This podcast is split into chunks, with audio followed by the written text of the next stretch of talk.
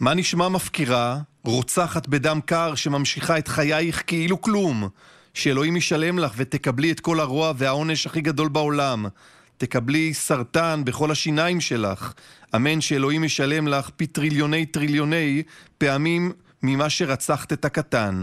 ועוד, את לנצח תחי בידיעה שאת רוצחת. אני מאוד מקווה שיש לך ילדים, כי אני מאחלת לך שהם ימותו באותה הדרך. וזה נמשך. אין לך לב, שאלוהים ייקח אותך, במדינה אחרת ממזמן היו הורגים אותך. ואנחנו קיבלנו עכשיו מהרשות אה, השנייה הודעה שהוגבל אה, הגיל האזנה לפוד. בהחלט, מה זה ממש אקספליציט קונטנט. לגמרי. אנחנו עכשיו שמענו את גיא פלג, אה, כתב הפלילים של N12, של חדשות 12, מתמלל שיחה כמו שהוא אוהב לתמלל בפריים טיים, ללא סינון, ללא תמצות קצר של אופי ההודעות. חייבים לתמלל הכל בפריים טיים, מילה במילה. אמ, אלה היו איומים שקיבלה דוקטור פסלר, שהיא רופאת שיניים שהייתה חשודה בדריסת אה, הילד רפאל, אה, שאנחנו נדבר עליו בפרק. רפאל עדנה, זכרו לברכה, בנתניה לפני מספר חודשים. אני אגב חייב לומר לך שאני מאוד אוהב את הסגנון הזה של גיא פלג, וזה הוליד לנו כמה רגעים איקונים בשעתו. אה, כמו יובל המבולבל למשל, ופרשיית, אני לא זוכר אם זה היה אבקה הלבנה, או שאני מבלבל כבר עם אצילי ומיכה. כן, כן, זה היה זה. אבל אה, כן, היו כמה רגעים אה, נהדרים כתוצאה מהדבר הזה. הוא נורא אוהב לתמלל, כן. כן. אז הערב אנחנו נדבר באמת על פרשת מותו הבאמת טרגי של הנער רפאל עדנה בנתניה.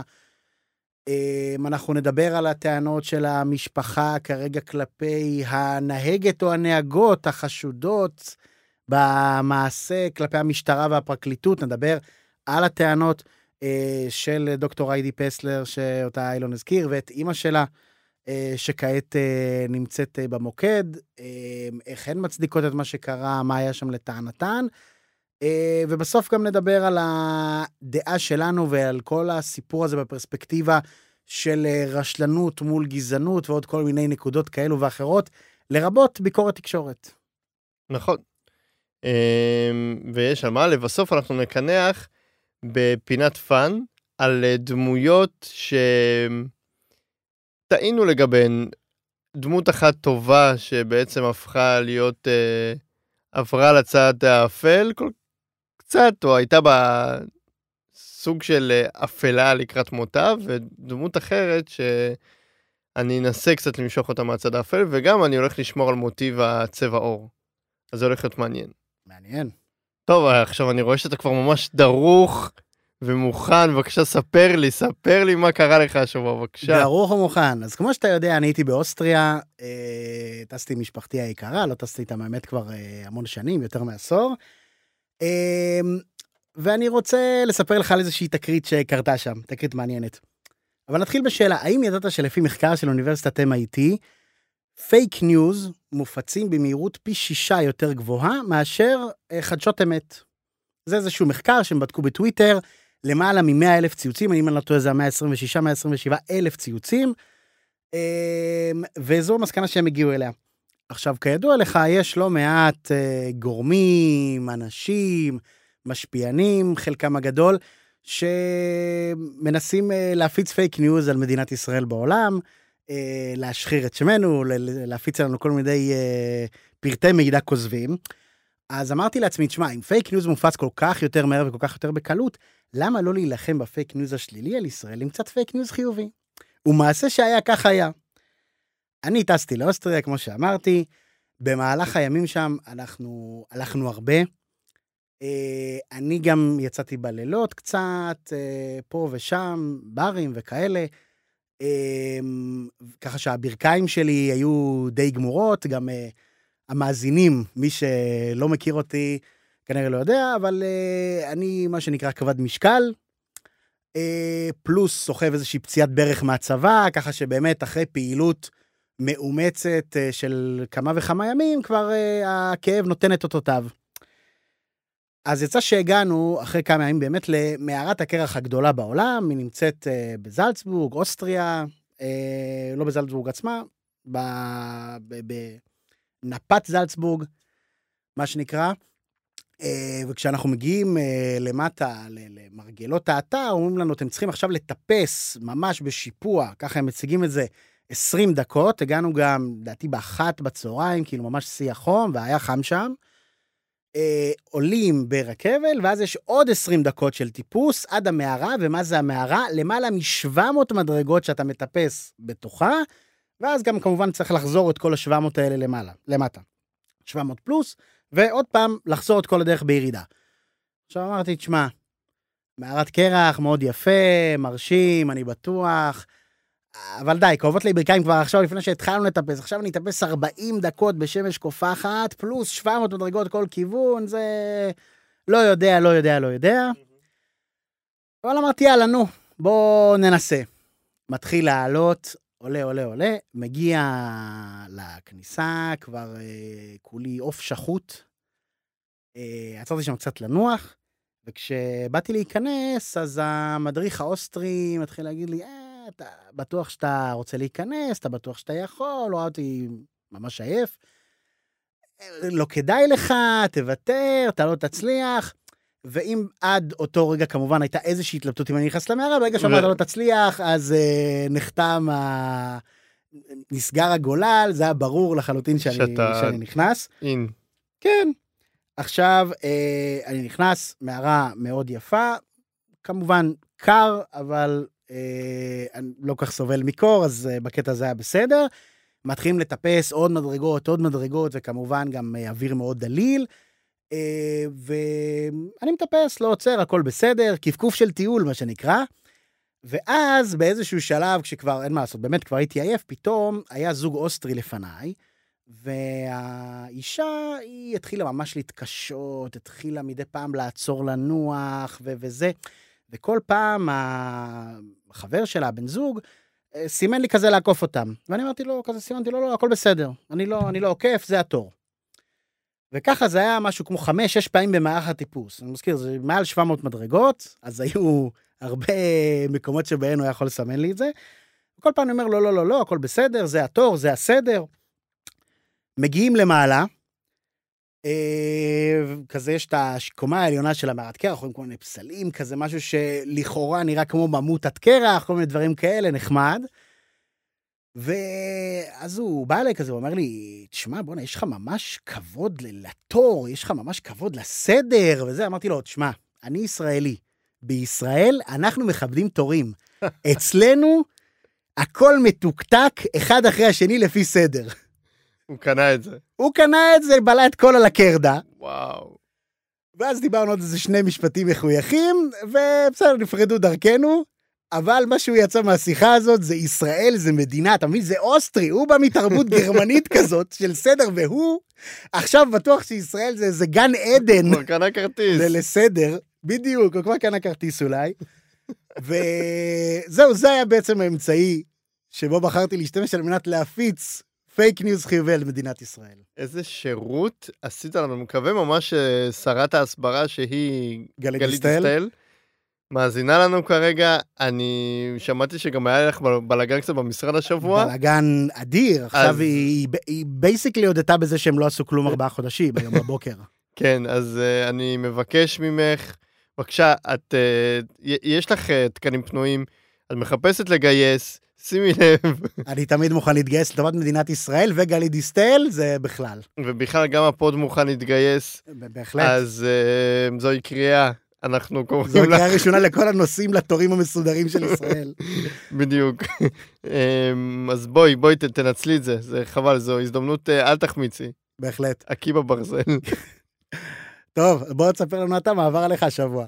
אה, טוב, אני לא עשיתי משהו כזה משמעותי בשבוע הזה. אספתי לקוח, שתדע. אמ, יצא לי במהלך אה, השבועות האחרונים אה, להיפרד מאיזשהו חבר, מאיזושהי משפחה יותר נכון, שעזבה את העיר שאנחנו גרים בה ועברה לעיר אחרת, די רחוקה, ו... זה לא מסוג החברים שלצערי אני אשמור איתם על קשר כשהם לא... כשהם לא לידך ממש, כשאתה לא איתם באותה מסגרת, כאילו יהיה איזשהו סוג של קשר, אבל על אש יותר קטנה. ונורא התבאסנו מזה, אמ, שאתה יודע, בכל זאת, כאילו, קבוצת חברים, ו... ועוזבים, והחיים ממשיכים הלאה, וכבר הייתי בכל מיני צמתים בחיים שלי, שאיבדתי אנשים שקרובים אליי, אה, ב... לא בזדון, לא בריב, פשוט מכורח כן. הנסיבות. ונסתיימה הפרידה, אנשים עזבו, ואיפשהו בשבוע האחרון פתאום צץ על המשפחה אחרת, חברים אחרים שהצטרפו לקבוצה הזאת, ו... והתארחו, והתארחו אצלנו. והשיחה קלחה, השיחה הייתה אה, מעניינת, היה בינינו קליק, אני בכלל לא שמתי לב שהזמן עבר, ופתאום גיליתי שדווקא אה, החברים שנפרדתי מהם בעצם היו לא כל כך... כאילו התחברנו מכורח הנסיבות, מכורח הקרבה הגיאוגרפית, ולאו דווקא... חברות נסיבתית. זה, כן, לא חברי ילדות כאלה. ודווקא הם היה קליק יותר, אה, יותר טוב. אמ, ובאמת, שוחחנו מלא, ו- ו- ודיברנו והחלפנו זה, ו- ויצאנו גם אחרי זה. וסתם, היה לי איזה תובנה כזאת שרציתי לחלוק, שבאמת בחיים שלי אני שם לב, שאתה יודע שכמו שתמיד אומרים, דלת אחת נסגרת, אז אה, חלון אחר נפתח. ואני באמת באמת מרגיש שזה בהרבה נקודות בחיים שלי, שהרגשתי שהפסדתי משהו ממש ממש רציני, גם במקומות עבודה או בדברים אחרים, אמ, שהרגשתי שהפסדתי משהו מאוד מאוד גדול כשוויתרתי עליו, אבל איכשהו, לא יודע, תקרא לזה קרמה או משהו, מזמן לך פתאום משהו אחר שהיה לך מתחת לאף ולא שמת לב, והוא לפעמים, לא תמיד, אבל לפעמים הרבה יותר טוב. ו... וזה עוזר לי לפעמים בחיים, אתה יודע, כי... אה, אני מרפרר קצת ליואב בלום, אתה זוכר שדיברנו על אה, ההחלטה הכי נפוצה זה לא לקחת החלטה. Mm-hmm. פשוט לתת לדברים לקרות, אז אה, דווקא לפעמים עדיף לתת כן לקפוץ את הקפיצה הזאת, להחליט את ההחלטה, לוותר על משהו שהוא חשוב כדי לקחת את הסיכון, מה שנקרא, ולהרוויח בגדול. מעניין. טוב, בקרוב אני רוצה לשמוע על איזשהו מקום שבו יישמת את הדבר הזה ככה באופן מודע. ש... אה, זה כמעט לא באופן מודע, כי זה... לא, זה, אני מבין. זה דברים שאתה מפחד לעשות. ברור, אתה... זה בדיוק העניין.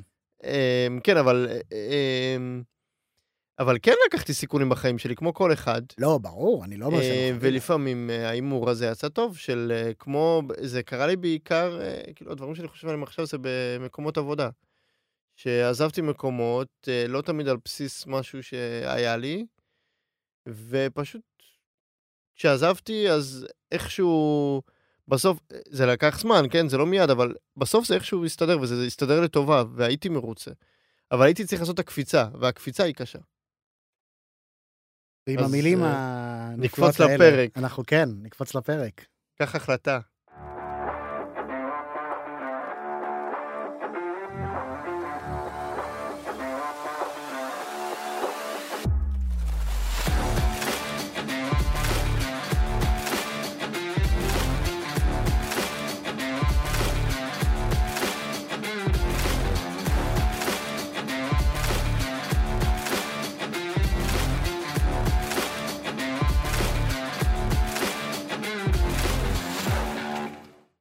אנחנו חוזרים לחודש מאי השנה, בשישה במאי, יום שבת, בשעות אחר הצהריים, עם הסבא של רפאל עדנה, ביחד עם רפאל ואחיו, עם, הלכו לבלות בשדרות בן גוריון בנתניה.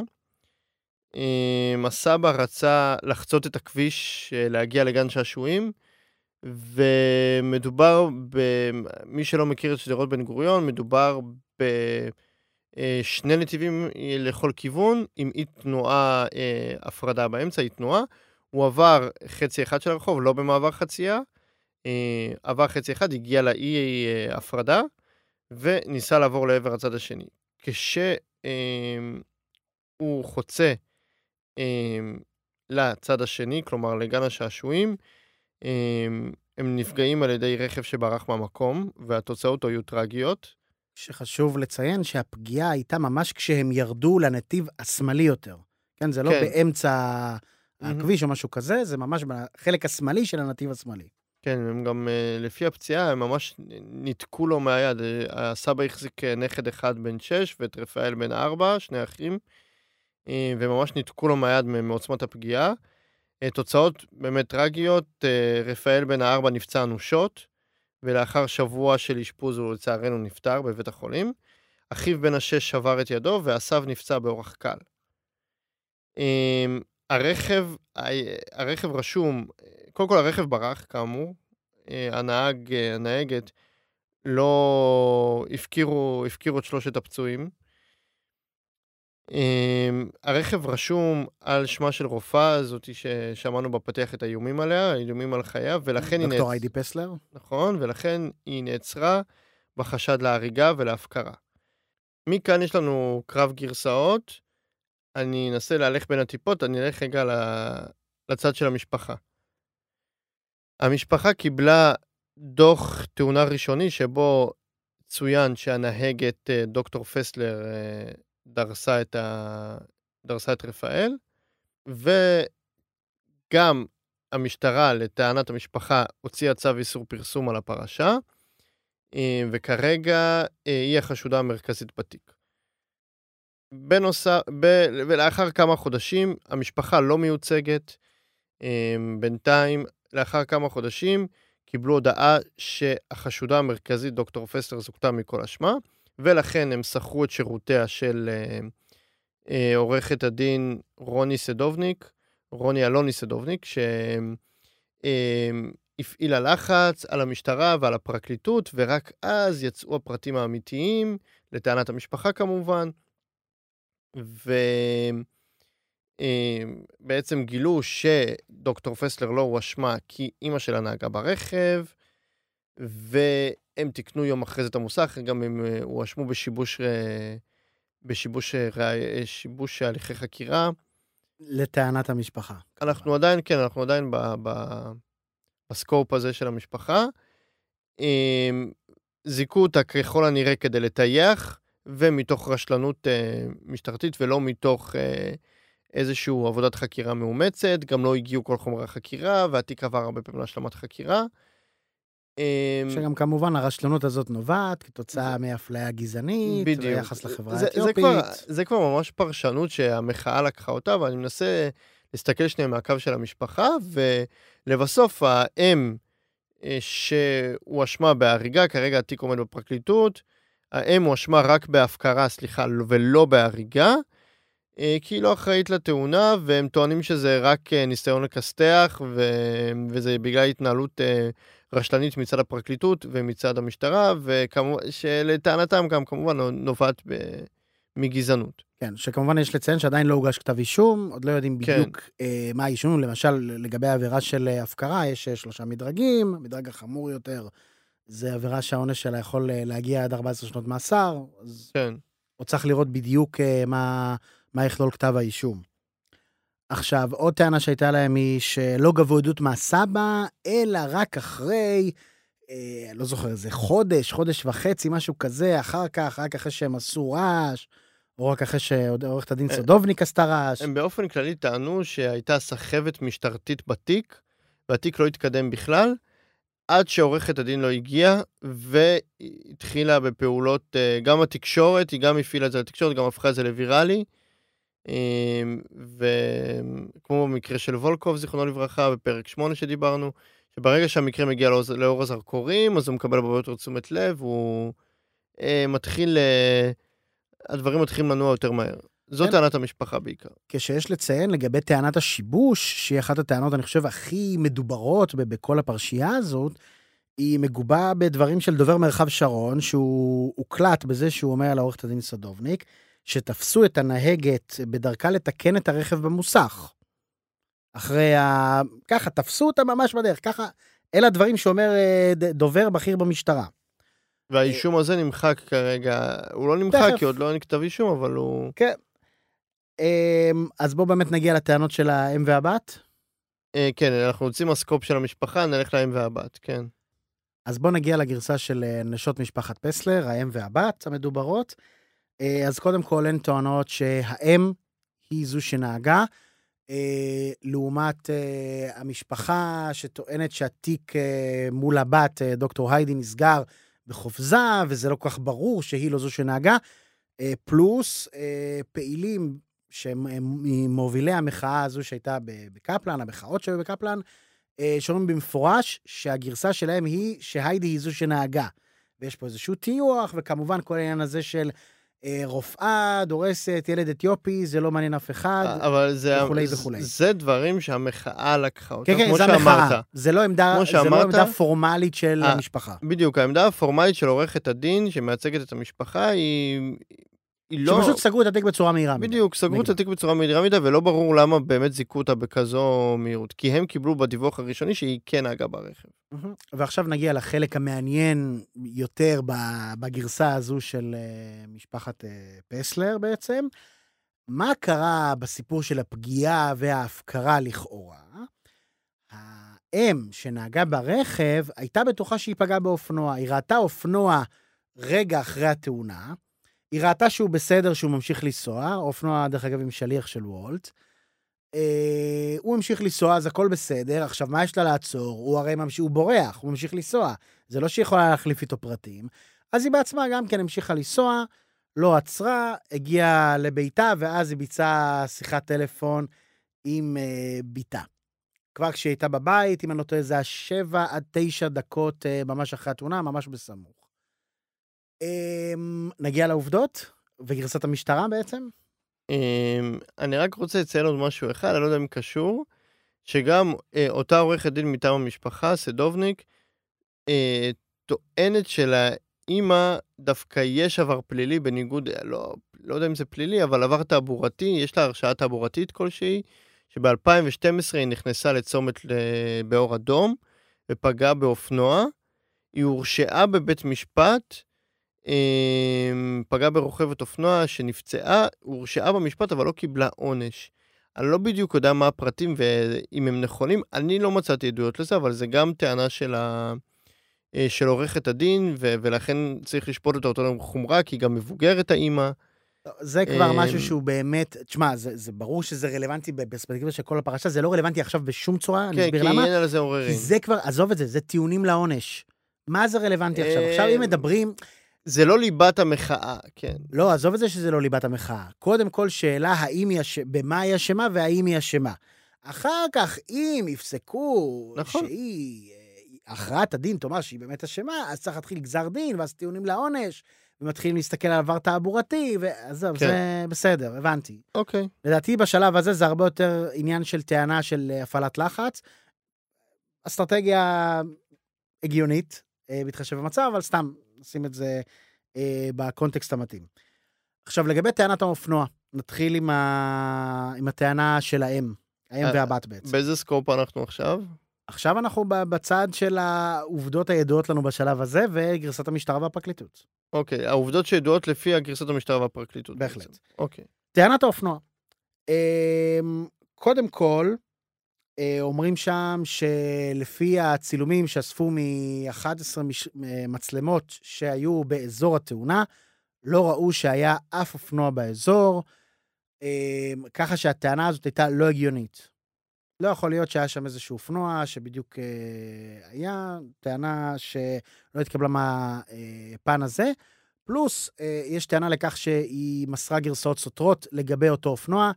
אני לא יודע מה הגרסאות הסותרות, זה נצטרך לחכות אה, ב- תמלילי חקירה. להכרעת הדין, לא יודע אם יהיו, כן, אלה יפורסמו, אבל אה, זה מה שאנחנו נצטרך לראות. אה, כרגע יש איזושהי טענה שהיו גרסאות סותרות שהיא מסרה אה, במשטרה.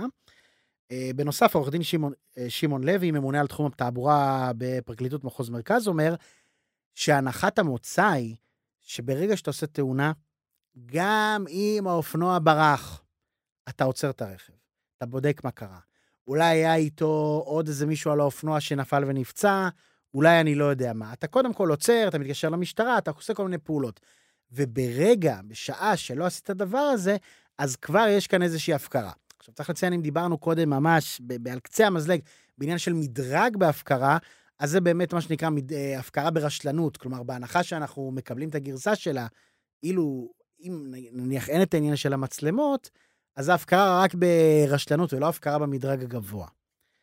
אה, אבל זה איזושהי, עוד איזושהי אה, נקודה בסיפור הזה. עכשיו, לגבי אה, הנהג. הנהג יש לנו שני עניינים. קודם כל, האיכון הסלולרי. וכאן יש לנו פייק ניוז שמופץ עכשיו מאוד חזק אה, לטובת המשפחה, יש כמובן לציין. פי שישה יותר מהר, כן. אה, כן, כמובן. אה, שהוא הוא לטובת אה, משפחת פסלר, סליחה, לטובת הנהגות. למה? האיכון הסלולרי של הבת מגלה שהאימא נמצא במקום קרוב יותר לתאונה, והבת נמצאת במקום קרוב יותר לביתה. זה מה שהאיכון הסלולרי מגלה. מה הוא לא מגלה, מה שכל הזמן מספרים לנו? שהנהגת לא הייתה בזירה. זה לא נכון.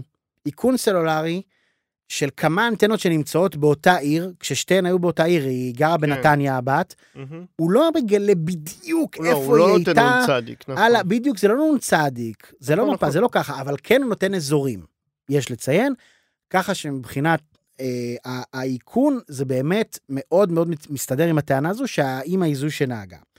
פלוס, יש עוד חיזוק לטענה הזו, האימא מספרת שהיא הייתה אצל חברה שלה, ושמשם היא נסעה עם הרכב באותו מסלול בדרך בן גוריון, והחברה מסרה עדות במשטרה, היא מגבה את הגרסה הזו במלואה, היא אומרת שהיא נסעה גם ברכב הזה, אה, ככה שיש באמת שני אה, אמצעים אה, שתומכים את הגרסה הזו, באמת שהאימא היא זו שנהגה. אה, כשכמו שאמרת באמת, נגד הבת היידי התיק נסגר מחוסר אשמה, כן? אומרים, לא מעורבת בתאונה בכלל. אה, אז איך זה השש, השם של הבת, כמו שהטענה של המשפחה היה כתוב בכלל בדוח? דבר נורא פשוט. צריך. הבת היא הבעלים. זה, זה דבר כל כך אלמנטרי ו- וברור. זה ברור שמי שיהיה כתוב בדוח ב... ב- באופן ראשוני, זה יכול להיות שזה יהיה מי, ש... מי שעל שמו הרכב. זה לא אומר שהוא זה שביצע את התאונה. עכשיו, איך, איך באמת בכלל הגיעו ל... לרכב? אמ, ב- בתאונה בעצם נפלה, נפלה המראה השמאלית של הרכב. אמרנו, פגע בעצם אה, בצד, אה, בנתיב השמאלי, בצד שמאל. אה, אז נפלה המראה, המשטרה אה, מצאה את ההמרה בזירה, לפי המראה הם הצליחו להגיע גם לצבע הרכב, גם לסוג הרכב, התחילו לחפש לפי המצלמות את הדגם שמתאים לרכב. אה, באחד הצילומים הם הגיעו, הם ראו שיש מספר רישוי, וככה הם איתרו את הרכב. ככה שבתחנה, כבר כשהם ראו את, את מספר הרישוי של הרכב, הם ידעו שמי שרשום על הרכב זה הבעלים, היא זו שנרשמה, דוקטור היידי פסטר. ולכן היא הראשונה שנחשדה ונעצרה. בדיוק. עכשיו, אני, יצא לי לדבר עם אדם שנמצא שנים במערכת של אה, דיני התעבורה. זה דבר שקורה באופן תדיר מאוד, שמי שכתוב בדוח הראשוני הוא אה, האדם שהבעלים של הרכב, ולאחר מכן יכול להיות שזה יוחלף. יש טענה של המשפחה שזה הוחלף רק בשלב נורא מאוחר, ושבהתחלה זה בכלל נאמר בעל פה, אה, כאיזה שמין התנהלות אה, כזאת אה, רשלנית. אני לא יודע, לא יודע, זה יכול להיות. אבל לעצם העניין של כתיבה של אדם, שהוא הבעלים של הרכב, כמבצע העבירה ב- רק בדוח הראשוני, זה משהו סביר לחלוטין, זה נפוץ מאוד, אה, ולא צריך להתייחס לזה כאיזושהי אה, ראייה מכריעה לכך שהייתה פה איזו רשלנות אדירה, בטח שלא רשלנות, אה, לא רשלנות, אלא משהו פושע. כן, טיוח. אבל מה שהיום ממשיכים לטעון המוחים או המשפחה, אני לא יודע בדיוק מי, שזה עדיין סוג של טיוח, כי עדיין אין הוכחת חותכת שהיא לא נהגה ובכוונה זיכו אותה, אבל כן, אני יודע. זה, אני... זה מתחבר למה שאמרנו, על, נכון. ה, על העניין שעורכת הדין סודובניק אומרת שהיא... בדיוק. פסלו נגדה את, ה, את החשדות בשלב מוקדם מדי ובאופן לא רציני, ו... בסדר, זה יכול להיות. אבל אה, שוב, זה, זה לא העניין. לגבי העניין של, ה, של תיקון הרכב במוסך, שאני מניח שכולנו שמענו, אני גם כן. שמעתי את זה, גם הייתי בטוח גם אמרו את זה. בחדשות. אמרו את זה בחדשות. אמרו את זה יותר מדי פעמים בחדשות, אנחנו וזה פייק נגיע- גמור. כן, אנחנו נדבר על החדשות באמת, אה, ביותר מערוץ אחד, by the way. לא אה, הערוץ הראשון. לא אלא- הערוץ הראשון, ביותר מערוץ מגוף שידור אחד. כן. אה, אמרו את העניין הזה של השיבוש, שתפסו אותם אה, משבשות, שתפסו אותם בדרך לשיבוש, כל מיני דברים כאלה. האמת היא שאין בדל ראייה לכך שהן היו בדרך למוסך, והן בוודאות לא תיקנו את הרכב. הרכב לא תוקן, ואין שום ראיה לכך שהן התכוונו ללכת לרכב. אין איזשהו תמלול של שיחה ביניהם, הקלטה של שיחה, לא דיברו עם אף מוסכניק, שום דבר.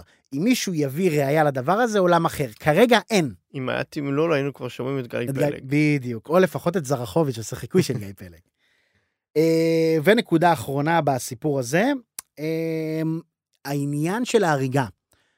מן הסתם, הטענה המרכזית של המשפחה היא לעניין הזה של, של האחריות למוות, יותר מאשר ההפקרה עצמה. עכשיו, זה באמת עניין שהוא מאוד רגיש. כמובן, אה, מעבר לזה שכל הפרשה הזאת, ברור, קודם כל בן משפחה נהרג, בטח שזה ילד כל כך קטן, זה ברור שזה הדבר הכי טרגי שיכול לקרות לעולם, באמת. אה, אבל בסופו של דבר, מי שקובע אחריות לתאונה הם בוחני תאונות, זה אנשי מקצוע שבוחנים את המהירות של הרכב, את המהירות המותרת, אה, באיזה מקום בדיוק הוא נסע, באיזה נתיב, בתוך הנתיב, כמה קרוב הוא היה לשול, אה, האם היה לו שדה ראייה לאנשים שירדו לכביש, ובאיזה מרחק הוא היה יכול ואמור להבחין בהם.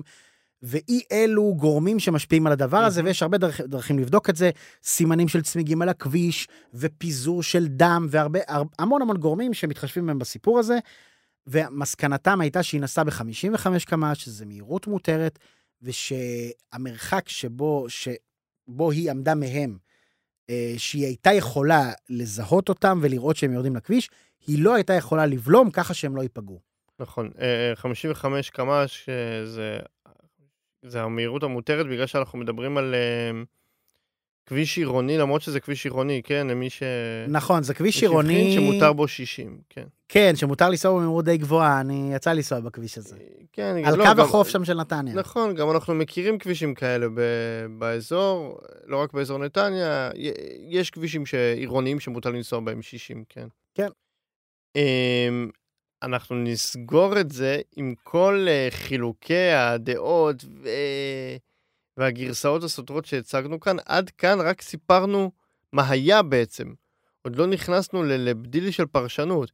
אמ, כמובן שבעקבות אה, הטענות של המשפחה, ובעיקר בעקבות הלחץ של עורכת הדין, המקרה הזה יצא לתקשורת, צבר הרבה הרבה תאוצה ברשתות, עם המון המון פייק, כמו שאמרת, ובעקבות הדברים האלה התחילו, התחילה, החלה מחאה של אה, בעיקר יהודים יוצאי אתיופיה, אבל לא רק, נגד הפרקליטות ונגד אה, אה, אה, המשטרה. אה, על, הדבר הזה, מחאה מאוד מאוד רצינית, מאוד uh, סוחפת, היו שם, uh, אם אני לא טועה, כמה אלפים כבר הגיעו, אם לא יותר. Uh, בתל אביב חסמו כבישים, העבירו צמיגים, דקרו שוטר, לא דקרו שוטר, עוד, uh, אני לא חושב שנגיע לזה. יש לי איזה מילה, אבל דקרו שוטר. כן, כי הם טוענים שלא, ובכל מקרה, אה, ה- ה- הדבר הזה צבר המון המון תאוצה, וזה רק על סמך כל מה שדיברנו עד עכשיו. אז עכשיו בוא נגיע באמת לסיפור של בין רשלנות לגזענות, ופה אנחנו כבר נכניס איזושהי דעה. בריאיון לעקיבא נוביק ורינה מצליח, התראיינה מזי תזזו, פעילה חברתית ממובילות המחאה, אה, וכשעקיבא נוביק אמר לה בכמה וריאציות שהטענות שלה לא עומדות בקו אחד עם העובדות, היא ענתה, יש פה עניין שיטתי, פעם אחרת היא אמרה, אני למודת מחאות, פעם אחרת היא אמרה, יש פה שורה של 16 מקרים בדיוק, נגד קהילת 16 יוצאי אתיופיה. שאין שום כתב אישום נגד... אה, שכל 16 המקרים הסתיימו ללא כתב אישום. כן, ועוד כמה פעמים שהוא שאל אותו את השאלה הזו בווריאציות קצת שונות, אה, והיא ענתה לו את אותה תשובה פחות או יותר בווריאציות מעט שונות. אבל בגדול אותו רעיון. עכשיו, יש הרבה מחקרים בעולם שעסקו בתחום של תחושות כלפי אקטים שליליים על רקע של הבדלים זהותיים. מה זה אומר? לאט יותר, כן. אם אדם שחור למשל, אה, לא אצלנו, בארצות הברית, ילך לבקש הלוואה מהבנק ולא יאשרו לו, סיכוי גבוה מאוד אפילו שהוא יחשוב שלפחות באופן חלקי, הפקיד פסל את הבקשה שלו על רקע גזעני. עכשיו, האם יכול להיות בתיאוריה שהפקיד פסל אותו על רקע גזעני? ברור שיכול להיות. האם יש גזענות בעולם? ברור.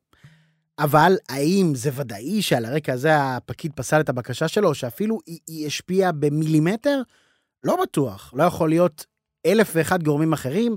לא יכול להיות שיש לבנק הזה מדיניות מאוד מאוד אה, נוקשה כלפי הלוואות ומאוד ברורה והאדם הזה לא עומד בהם, לא יכול להיות שהאדם הזה הוא פשוט לא משכנע או לא כריזמטי, וכשהוא ניסה להציג את הביזנס שלשמו רוצה הלוואה, אז הוא לא הצליח לשכנע את הפקיד. לא יכול להיות שאותו פקיד ספציפי באותו בוקר ננזף על זה שהוא מאשר יותר מדי הלוואות. יכול להיות עוד אלף ואחת סיבות, אבל האדם הזה יחשוב שהמוטיב הזה, מה שעמד מאחורי ההחלטה הזו, אה, היא על רקע זהותי, במקרה הזה רקע גזעני. אותו דבר, תיקח אדם חילוני שילך אה, לקנות עכשיו במכולת בשכונה חרדית, והקופאי החרדי יתייחס אליו בצורה לא משהו, לא, שום דבר חריג. סתם יסתכל עליו בצורה מוזרה, יענה לו בצורה לא נחמדה. ידבר אליו ביידיש. סיכוי לא רע, אפילו גבוה, שהוא יחשוב שהדבר הזה זה על רקע העובדה שהוא חילוני, והאדם הזה הוא שונא חילונים. אממה, שוב, יכול להיות כמובן שזה נכון, שהקופאי באמת שונא חילונים. יכול להיות. ויכול להיות שעובר עליו יום רע. ויכול להיות שהוא לא נחמד לאף בן אדם. זה לא שהוא לא נחמד אליו, ויכול להיות שאותו חילוני לובש חולצה של מכבי, והחרדי הזה אוהד הפועל. יכול להיות אלף ואחת סיבות אחרות, אבל יש לנו נטייה להתמקד במאפיינים הזהותיים שלנו, כשמישהו מתייחס אלינו בצורה לא יפה, כשאותו אדם כמובן הוא שונה מאיתנו באותו מאפיין. זה מאוד מתחבר לפרק הראשון של שיח הזהויות, ונורא קל ליפול לשם. אבל אני מצד שני כן רוצה להגיד שהמחאה הזו היא לא, כמובן התעוררה בגלל המקרה של רפאל, זיכרונו לברכה, אבל היא לא רק על המקרה הזה, היא כמובן תוצאה של אה, תסיסה של שנים, ואנחנו, כמו שמזי אמרה, אנחנו למודי מחאות של אה, בני העדה האתיופית. אמ, זה לא משהו שהוא, הם, הם כל הזמן טוענים במקרה הזה, גם אם בסופו של דבר, כרגע, אם אני מבין נכון את הטענה שלהם, של עורכת הדין, לאחר כל הפרחת הפייק של המשטרה וזה, אם אני מפזר קצת את העננה, כרגע הטענה המרכזית שלהם זו הסחבת המשטרתית והרשלנות המשטרתית ושל של הפרקליטות, שגם סחבו את התיק הזה וגם התנהלו בו בצורה רשלנית, וזיכו או לא זיכו, ומנסים לטייח, וגם אם מסתיים בזה, הם טוענים ש... כלומר, בני העדה או מובילי המחאה, שיש פה איזשהו קו של אה, שיטור יתר, של אה, רשלנות, של התייחסות אה, אה, יותר נחותה לתיקים אה, כמו אלו, כי הקורבנות הם לא מהצבע הנכון. זו הטענה, ובאמת, אה, כשאתה, יש את הפתגם הזה, כשאתה פטיש, כל דבר נראה לך כמו מסמר, וכשאתה תמיד נמצא באיזשהו מצב תודעתי של תמיד מפלים אותי, אז יש מצב, קודם כל, יש מצב שבאמת תמיד מפלים אותך. יש מצב שאף פעם לא מפלים אותך, יש מצב שבחלק מהם מפלים אותך, הכל יכול להיות. אני לא יודע למה נכנסת למצב התודעתי, אבל הנקודה היא שאתה במצב הזה, ברגע שיקרה לך משהו, גם אם היחס אליך לא יהיה קשור בכלל לרקע הזהותי, אתה תהיה בטוח שהגורם הוא אותו גורם אה, זהותי, וזו התודעה, אני חושב, של רבים מהציבור האתיופי, וזה מה שרואים באמת במחאה. עכשיו, אני לא, באמת לא חווה דעה על 16 המקרים האחרים, אני אפילו לא חווה דעה על המקרה הזה. אה. אני לא חווה את דעתי, לא, לא אומר מה אני אה, חושב שקרה, לא... אם זה מוצדק, אם זה לא מוצדק, זה, אני לא נכנס לזה. הנקודה היא פה באמת לשפוט כל מקרה לגופו בעיניים נקיות, בצורה ישרה. צריך להסתכל פה על העובדות. אה, גם כמובן לא צריך להיות מהצד השני, אני יודע מה, לאנשי אה, עליונות לבנה, שישר יבואו ויגידו, אה, הטענה של אתיופים לא נכונה, לא נכונה, כי הם סתם בכיינים תמיד. זה לא כן. נכון, אבל מצד שני גם לא צריך לקבל כל טענה של, בין אם זה הקהילה האתיופית, בין אם זה קהילה אחרת שהיא קהילה חלשה יותר, על הרקע הזה שבוודאות דופקים אותנו בגלל גזענות, בגלל אפליה. אה, וכולי וכולי, תמיד צריך להסתכל בעיניים ענייניות, בצורה ישרה אה, ואמיתית, ולחתור באמת לחקר האמת נטו. מה שכן, כן אני חושב שצריך להבין שיש פה סיטואציה רגישה, כמובן יותר מכל הסיפור הזה של אה, מוות של ילד קטן. זה כמובן ברור, לכל משפחה זה משהו מאוד טרגי, אבל כן ביחסים של מול המשטרה, מול הקהילה האתיופית, זה ברור שיש בעיה. ואני חושב שגם בעיניים האלו צריך להסתכל על זה באיזושהי צורה קצת יותר רגישה, והמשטרה, כמה שהיא יכולה, כן לנסות להיות בקשר עם המשפחה וכן לנסות להנגיש להם את המידע הזה. זה לא אומר, למשל, יש את הטענה של המשפחה שלא הראו להם את הסרטונים. עכשיו, חבר'ה, זה בסדר, עוד לא הוגש כתב אישום, עוד לא חשפו את תחום החקירה, הם לא יכולים להציג לכם את הסרטונים גם אם הם רוצים. אבל כמה שאפשר כן ללכת איתם יד ביד בגלל הרגישות, אני חושב שצריך לעשות את זה. אמ, כן, ואני חושב שבעיקר צריך לעבוד בשיתוף עם אה, מנהיגי הקהילה, ואני חושב שזו העבודה העיקרית של הקהילה, של המשטרה צריכה להיות, שבאמת לשתף פעולה ביחד עם אה, מנהיגי הקהילה כדי להגיע לעבודת שיטור ממצה יותר, בוא נגיד ככה. עכשיו, בנקודה הזו, ביחס לדברים שאמרתי, אני רוצה להשמיע איזשהו קטע קצר מראיון של אה, עינאו פרדה סנבטו, זה עיתונאי אתיופי שסיקר את המחאות, התראיין אצל אה, שי גולדן ודנה ורון. הרעיון הוא מאוד מאוד מחבק, אה, מקבלים די כמובן מאליו את כל הטענות שלו, אבל אז מגיעה השאלה הבאה של שי גולדן. השאלה היא, האם אתה יודע, הקהילה אומרת, כשזה קורה לי זה גזענות, אבל כשזה קורה למישהו אחר זה סתם רשתנות של הפרקליטות. איך אנחנו מבדילים? אתה צודק. בדיוק. אם הטענה היא שלפעמים הפרקליטות והמשטרה מתרשלות בעבודה שלהם, עושות טעויות, ואני לא חושב שיש מישהו במדינה שלא טוען את זה, גם אה, בכירים בפרקליטות ובמשטרה, כולם הרי עושים טעויות, אז איך אתם יכולים לבוא בצורה כל כך ברורה ולומר באופן אה, נהיר שדפקו אתכם בגלל איזשהו טיוח, כי מדובר באישה לבנה שדרסה ילד שחור. איך אתם יכולים לבוא ולומר את זה? המוציא מחברו עליו הראייה, ואם יש לכם את הטענה הזו, מעבר לזה שאתם מראים שיש רשלנות, נניח שיש רשלנות, אתם צריכים גם להראות שהרשלנות הזאת בוצעה, במקרה הזה, בכוונה, אם זאת הטענה שלכם. כי עד שהטענה הזאת לא הוכחה, למרות שהיו, גם אם היו 16 מקרים אחרים שבהם זה כן נכון, זה לא אומר שפה זה המקרה. ואני בטוח שאף אה, פרקליט או שוטר לא יושב ואומר לעצמו, אה, למי אכפת, היא דרסה ילד שחור, זה לא מעניין. אני גם קצת, עכשיו אני יודע, אני קצת מגחיך את, ה, את הטענה, כי זה לא, זה לא מה שהם אומרים, כן. אבל השורה התחתונה היא, צריך להוכיח טענות uh, כל כך מרחיקות לכת. המסר העיקרי בעיניי, מכל הפרשה הזו, ולא משנה לאן היא תלך, ומה העובדות יכריעו, ומה יחליט בית המשפט, ומה uh, בכלל, uh, על אילו עבירות בדיוק uh, היא תואשם, או אולי uh, לא רק uh, האם, אלא אולי גם כן בסופו של דבר הבת, אני לא יודע. לא לרוץ למסקנות, לא לקפוץ למסקנות. התקשורת עכשיו, אה, נכנסים לאיזשהו טנטרום כזה של אה, הופץ מלא פייק ניוז, הופץ פייק ניוז בכל מקום, והשיבוש של הרכב זה לא נכון, וזה לא נכון, וזה לא נכון. אבל בכל ארבעת ערוצי החדשות שלנו, בכולם קידמו באיזשהו מובן את הפצת הפייק ניוז הזה. כי בכולם הדהדו את כל המסרים האלה שהתחילו, אני לא יודע איפה, אולי בפייסבוק, אולי בטלגרם, אולי בטוויטר, על ידי אנשים לא כל כך אמינים כנראה. חלק גם על ידי עורכת הדין, אגב. חלק, שהיא, בסדר, זאת, זאת העבודה היא שלה. היא זאת שהציתה את ה... זה... כן, אבל זאת העבודה שלה, והם ידדו את המסרים הללו, ומי שרוצה בדיוק ממש לפני ההקלטה עלה אה, איזשהו קטע של אה, תום אהרון מהצד השני, שהוא ממש עובר על קטעים מכל הערוצים, ומראה כן, כל מיני קטעים. כן, איך הם כולם פרסמו פייק. כן. כן, איך הם כולם, כן, או לפחות הדהדו, יש כאלה שהפייק הוא פחות, אה, פחות קשה. כן. אה, נקרא לזה ככה. אז אם אתם אלה שמהדהדים את הפייק בהתחלה, אל תזדעקו על זה שיש פייק בסוף. אה, ועוד אנקדוטה קטנה שהיא חשובה לי, היא הסיפור הזה שבאמת של הדקירה. הם מטיחים במארגני המחאה הרבה פעמים.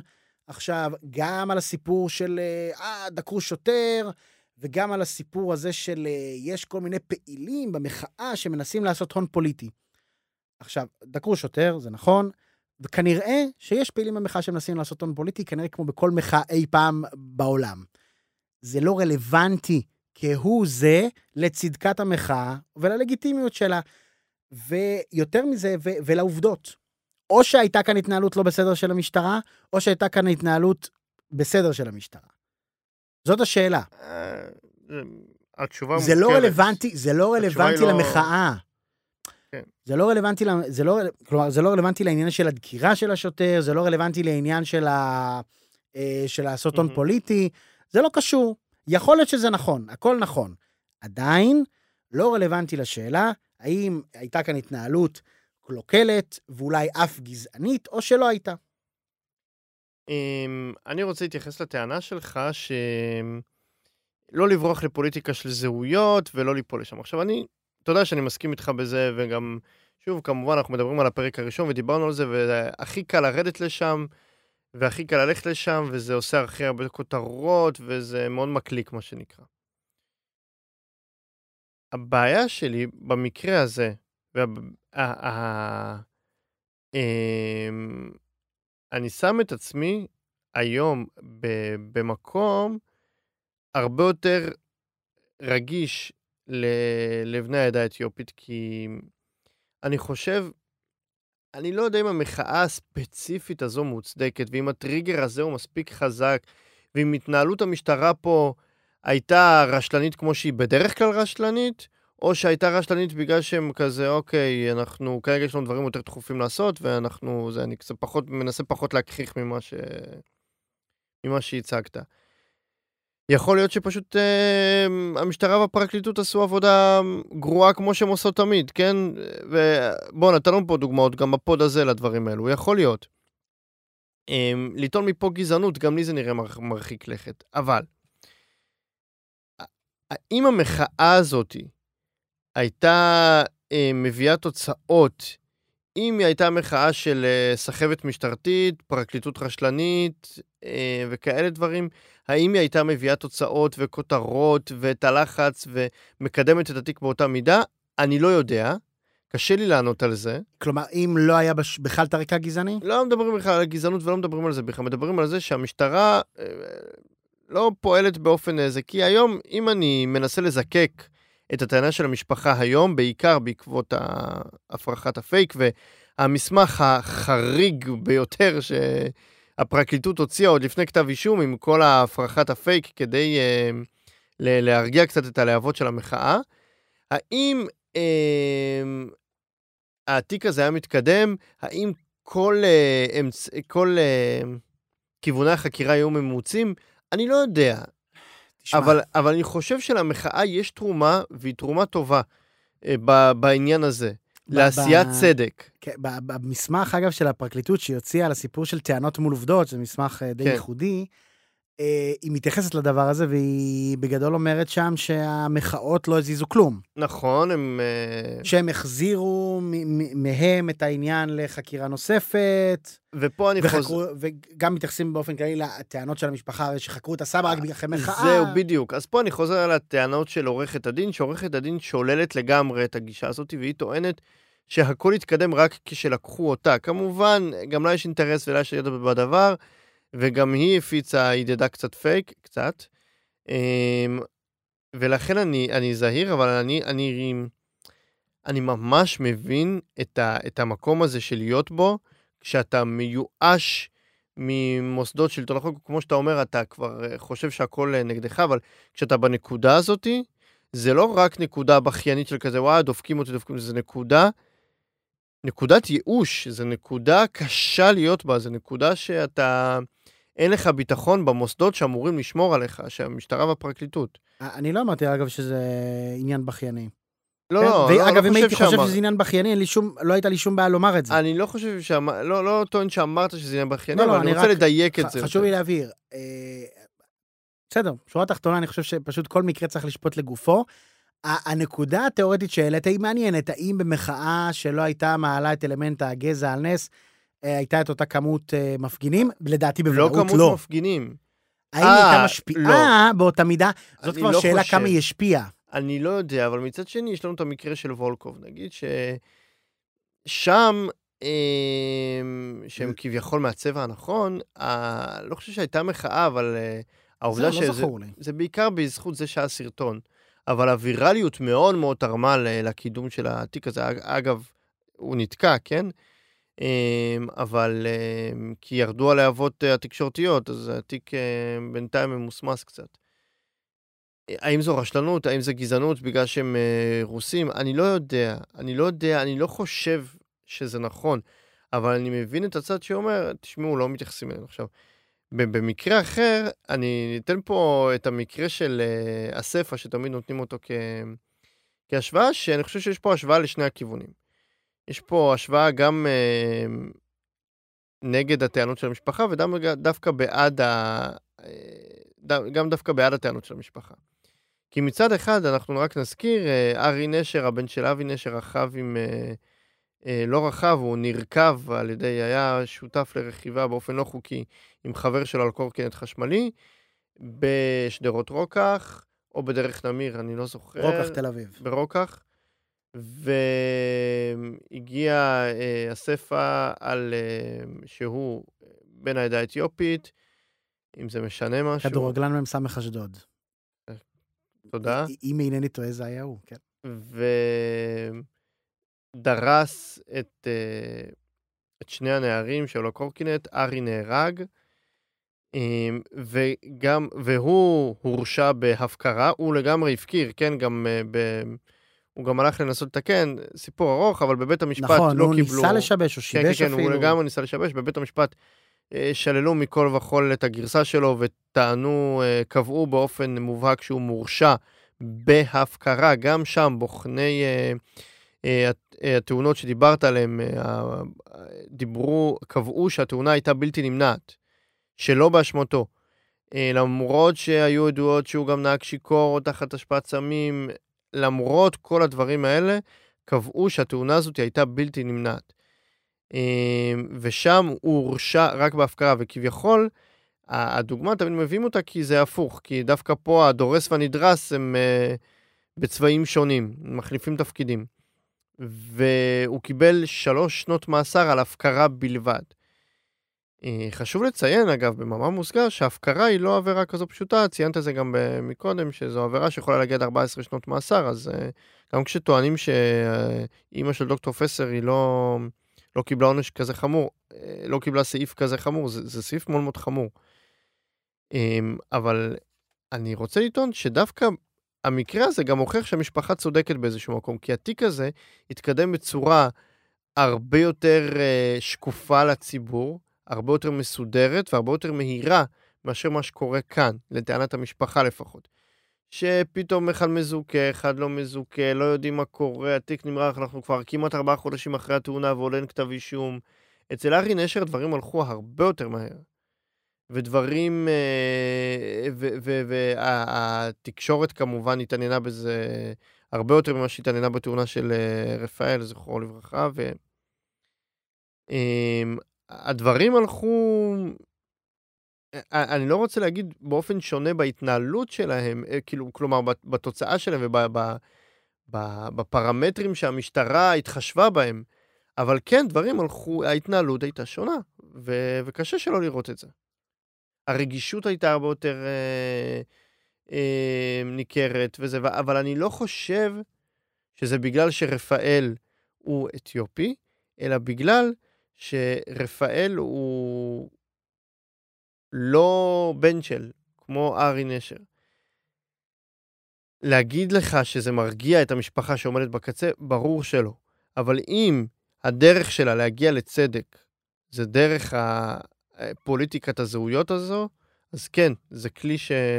שצריך להשתמש בו, בטח במקרה טרגי כזה.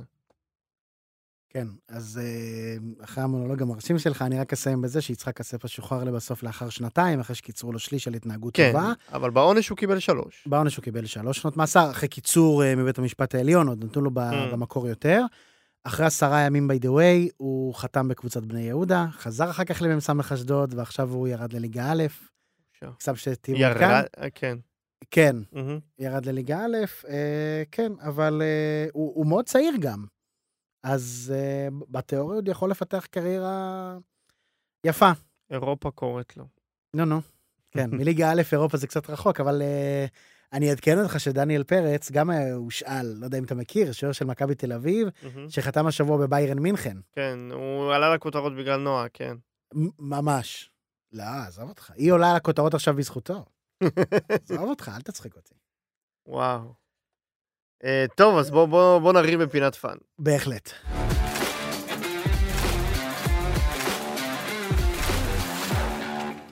אז כאמור, אנחנו ניתן פה שתי דמויות, אני אתן פה שתי דמויות אחת עברה עוד בחייה לצד האפל, והשנייה נמצאת לצערי עד היום בצד האפל, ואני אנסה קצת למשוך אותה משם, שוב אגב. ולו במעט, אז אני מבקש להעריך את המאמץ.